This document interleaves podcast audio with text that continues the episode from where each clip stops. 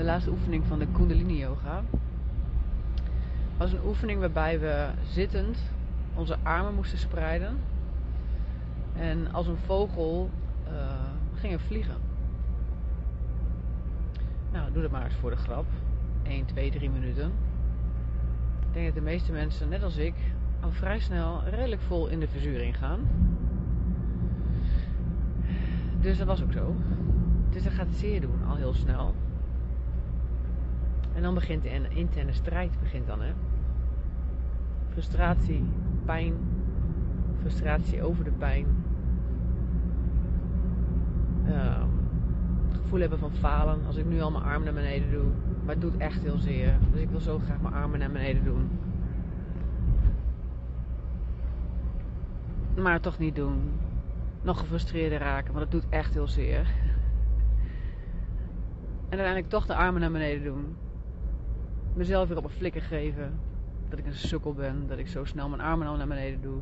Gelukkig heb ik wel altijd mijn ogen dicht. Dus ik zie eigenlijk nooit wat de mensen om me heen doen. Dus het is echt mijn eigen interne strijd.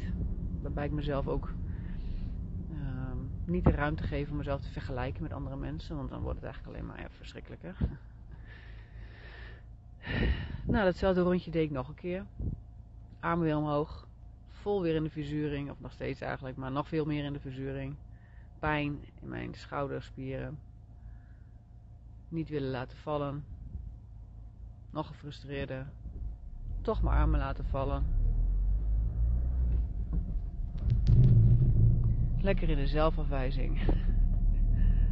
En ondertussen van een afstand ook naar mezelf kijken en zien dat ik dat doe.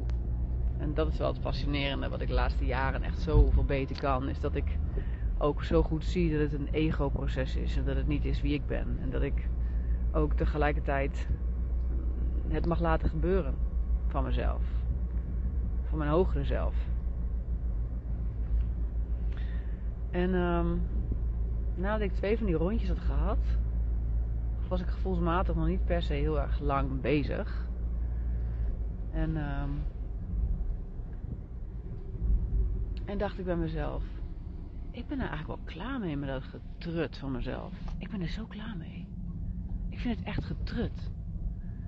Ik weet dat ik veel langer kan. Ik weet dat mijn lichaam veel langer kan. Het is gewoon mijn brein die moeilijk loopt te doen. En die maakt het heel moeilijk. Die maakt het ingewikkeld. Dat is echt het enige. Dus ik kon eigenlijk wel redelijk de keuze maken om te stoppen met negatief denken. Dus ik onderging het gewoon. Ik was met mijn aandacht bij de, bij de sensaties in mijn arm, in mijn schouders.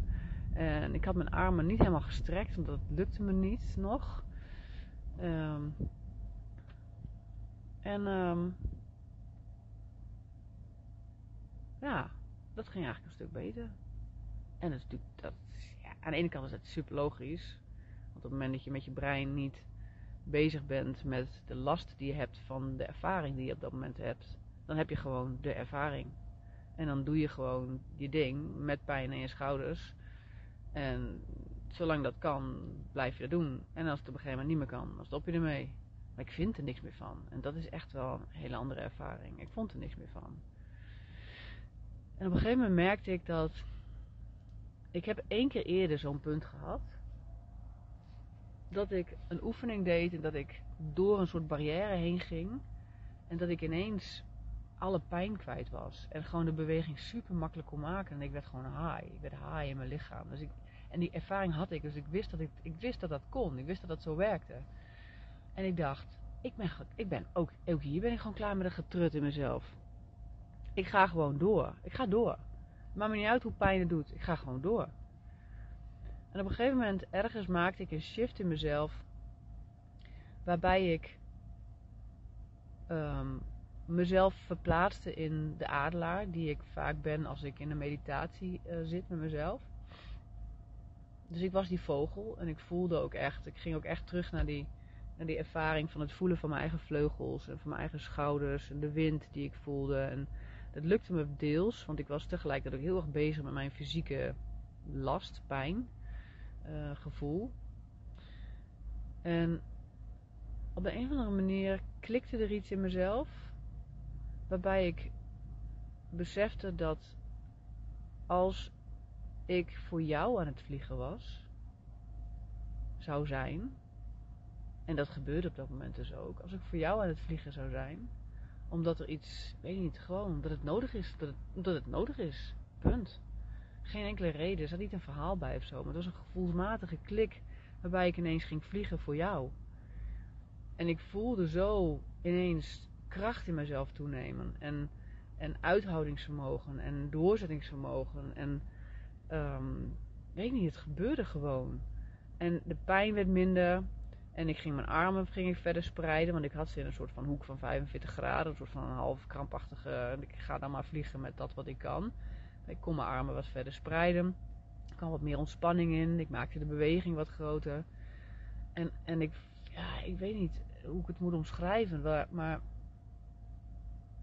ja, ik, ik weet het niet goed. iets nam mij over. Iets nam mijn lichaam over. En ik was niet meer voor, voor mezelf aan het vliegen, want dat vind ik blijkbaar. En die, dat besef had ik ook op dat moment, of eigenlijk daarna, dat ik me realiseerde dat ik het blijkbaar voor mezelf niet over heb. Dus er zit een hoop minderwaardigheid zit erop. Ik vind het mezelf niet waard. Ik geloof niet dat ik dat kan. Ik geloof niet dat ik dat uithoudingsvermogen heb, dat ik dat doorzettingsvermogen heb, dat ik, dat ik langer mijn armen zo kan bewegen, dat ik kan vliegen voor mezelf. Dat geloof ik gewoon niet. En dan maak ik die shift naar jou. En dan geloof ik het ineens wel. Voor jou kan ik het wel. Omdat ik zo'n diepe connectie voel met jou.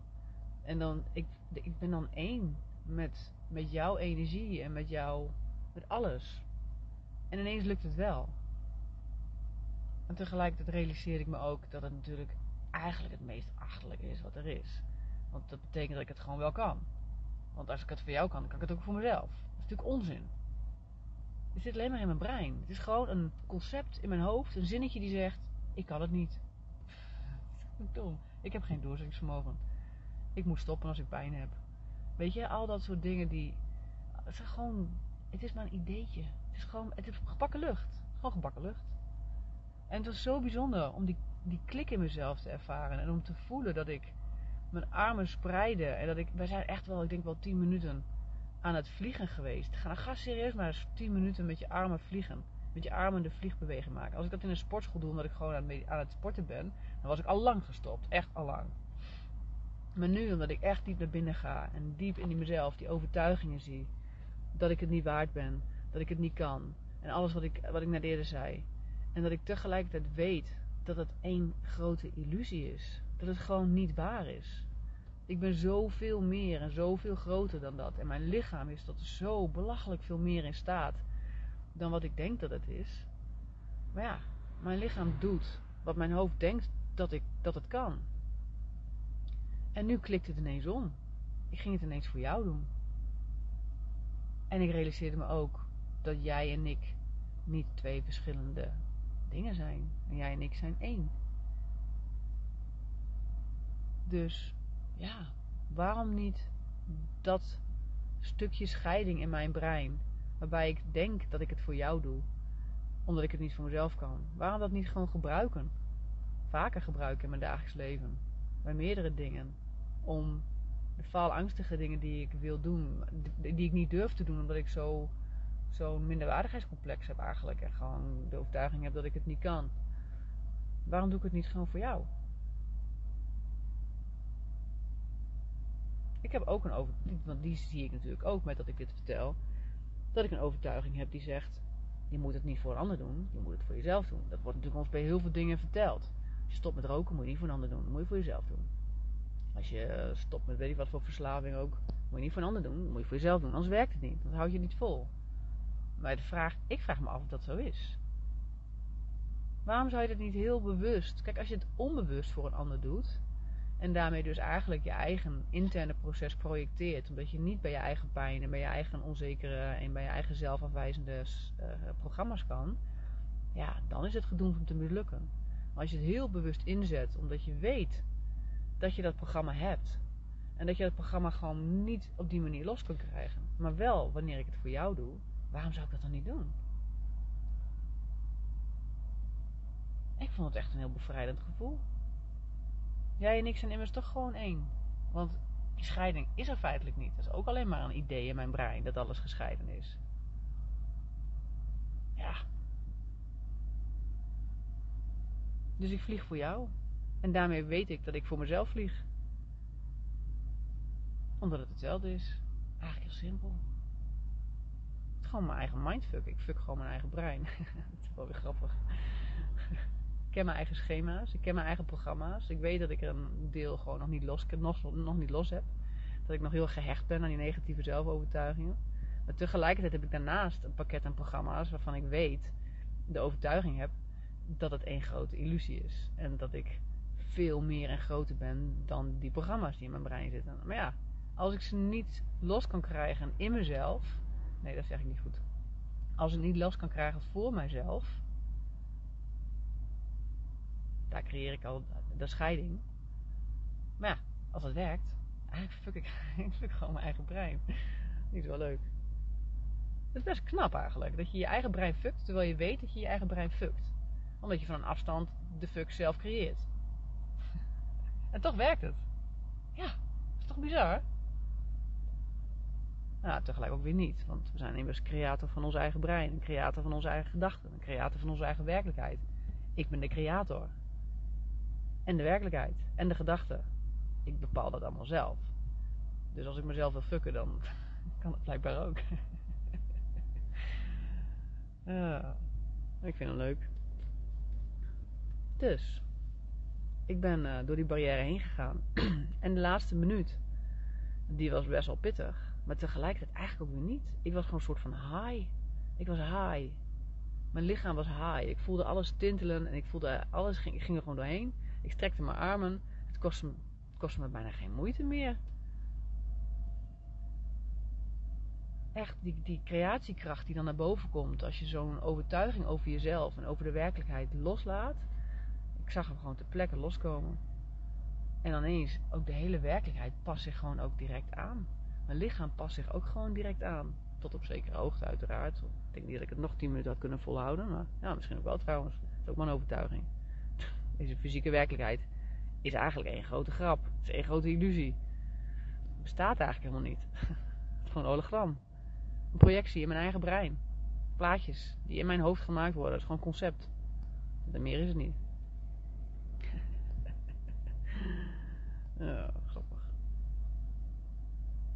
Nou, leuk. Goede sessie dit. Ik begon overigens trouwens aan het eind daarvan ook heel, heel erg hard te huilen. En dat is zo fijn. Om een yoga groep te hebben waarbij je de veiligheid voelt om echt, echt hard te kunnen huilen. Dat is zo'n ontlading en zo'n bevrijding. En uh, die yoga juf kwam naar me toe, die kwam naast me zitten. Uh, die, die nodigde de rest uit om gewoon in stilte na te voelen van de oefening. Dat doet ze altijd een paar minuten.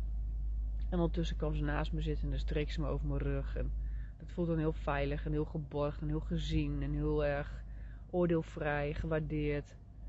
En ik ging heel hard huilen. Ik ging echt heel hard huilen. En dat is zo lekker. Zo lekker. Ja. En er is ook verder niemand die dan even naar je toe komt. Of ah, wat, wat, wat, was er nou, weet ik veel. Nee, dat is helemaal niet nodig. Dat is ook zo lekker. Ze laten je lekker huilen. Iedereen weet dat iedereen zijn eigen proces meemaakt. Omdat het gewoon een proces is waar je doorheen moet. En dat is allemaal zo bewust en, en verantwoordelijk ook. We voelen ons ook gewoon verantwoordelijk voor ons eigen proces. Dus we hebben niet de, niemand heeft eigenlijk de behoefte om echt te gaan redden en te gaan zorgen en te gaan, weet je. Dat, heel veel mensen doen dat wel. Dat is heel lief bedoeld hoor, maar het, het, is eigenlijk alleen maar verstorend voor een proces van, van loslaten, van, van verdriet, van boosheid, van rouw, van weet ik veel, alles wat bij je mensen loskomt. Dus dat is heel fijn. Dan word ik lekker gelaten daar. Ja. Dat was een bijzondere sessie, bijzondere yogales weer. Nou, die heb ik ook zo vaak. Kundalini yoga, echt, ik raad het iedereen aan. Nou, even een ergens een spinseltje zo op de donderdagavond.